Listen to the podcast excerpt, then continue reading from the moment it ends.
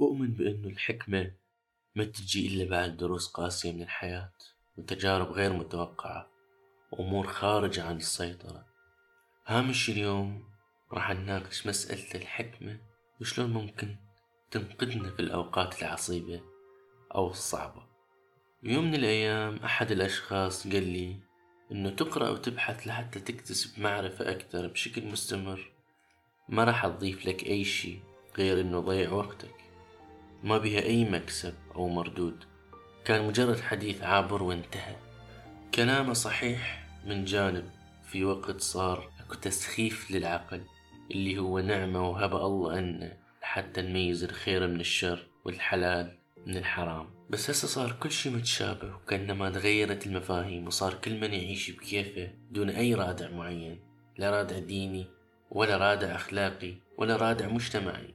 واللي يسعى لحتى يكون مستقبل بتعبه وجهد مستمر يتفاجأ بأنه هو على نفس الخط مع آخر جابها بالسخته والواسطات. هذا الشعور واللي يحسه الإنسان هو الغبن. مع ذلك أنه الآخر يحصل اللي يريده بسهولة فقط كونه يتبع الجهة الفلانية أو السياسية تقلب الموازين لصالحه فدائما يكسب الرهان. وهنا يجي السؤال اللي يسأله الأغلبية ما هو هم أكو عدالة هنا؟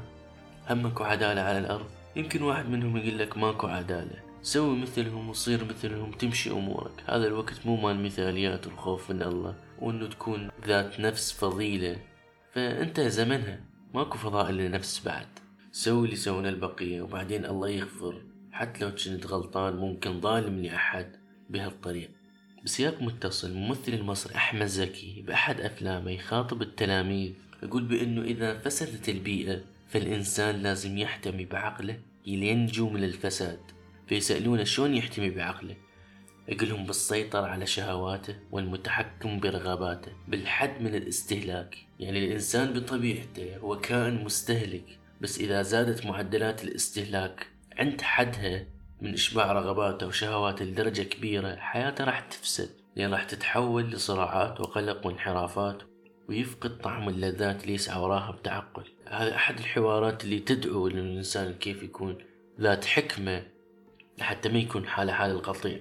كل اللي يقول لك إنه خلي الله ورا ظهرك وعيش شبابك وحياتك وبعدين الله كريم لأن الله غفور رحيم. هذا لا تسمعه لأن على الأغلب هو مصلحتي حتى ويا اللي خلقه. لازم تكون رقيب على نفسك بمرحلة ما من عمرك تحت قوانين وضعها الله اللي هي مو عبث وإنما حماية إلك ما تدركها إلا بعد فوات الأوان.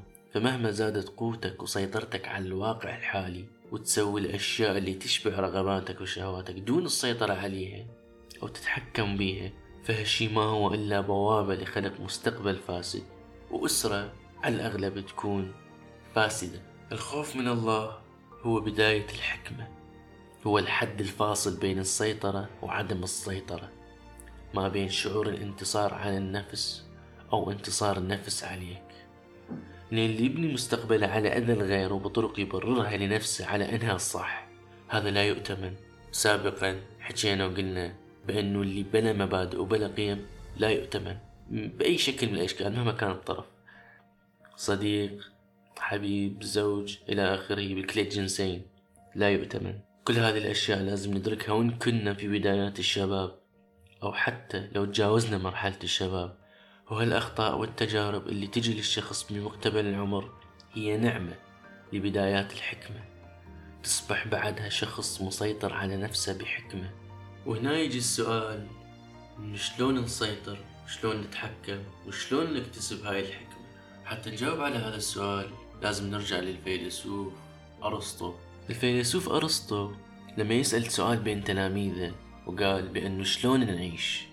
فجوابه كان أنه نبحث عن السعادة. يابا شلون نبحث عن السعادة؟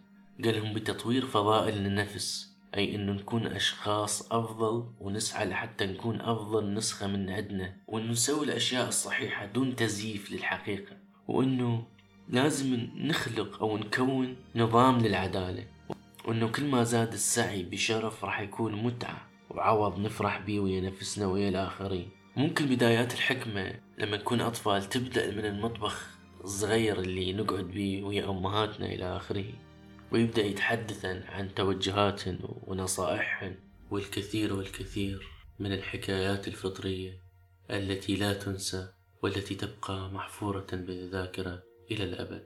كل هاي الأمور والتفاصيل الصغيرة هي تعلمنا بدايات الحكمة من المطبخ الصغير. نتعلم بدايات الحكمة.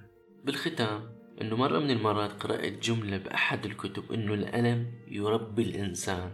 أعرف ناس هواي بحياتي قوتهم وجبروتهم وعظمتهم وسلطتهم مجرد ما خلايا نسبها تتغير بجسمه يصبح أضعف الخلق. فلاحظت عليهم سمات الضعف والخوف من الله بعد ما نسوه لفترة طويلة.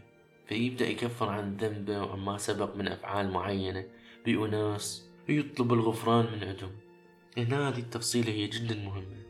إنه صحو الضمير بعد سنين من الجبروت. هنا الإنسان يبدأ يبحث عن الغفران كآخر محاولة لاسترجاع إنسانيته. وهالشي يشكل فارق بحياة الإنسان إنه يكفر عن الأخطاء بعد عمر من الغفلة. فأول شي يبحث عن الغفران سواء من مخلوق أو الخالق. فيعني بالملخص أنه الأشياء والمحن الصعبة تخلينا أكثر إنسانية. وجدت لحتى تكسب الإنسان القوة والحكمة وتكسب الإنسان التغيير الجذري أحيانا. تتخطى الحدود الجينية لكن للأسف الأغلب ما يتغيرون إنما يصيرون للأسوأ. ما يفهمون الإشارات اللي ينطيها رب العالمين لهم فيا أعزائي المستمعين عيشوا بشرف أو حاولوا أن تعيشون بشرف. مهما زادت مغريات الطرق اللي تخلي الإنسان تفقد حقيقته وفطرته اللي خلق الله عليها. وخليكم دائما حافظين على مبادئكم لأن الإنسان اللي بدون مبادئ شخص لا يؤتمن.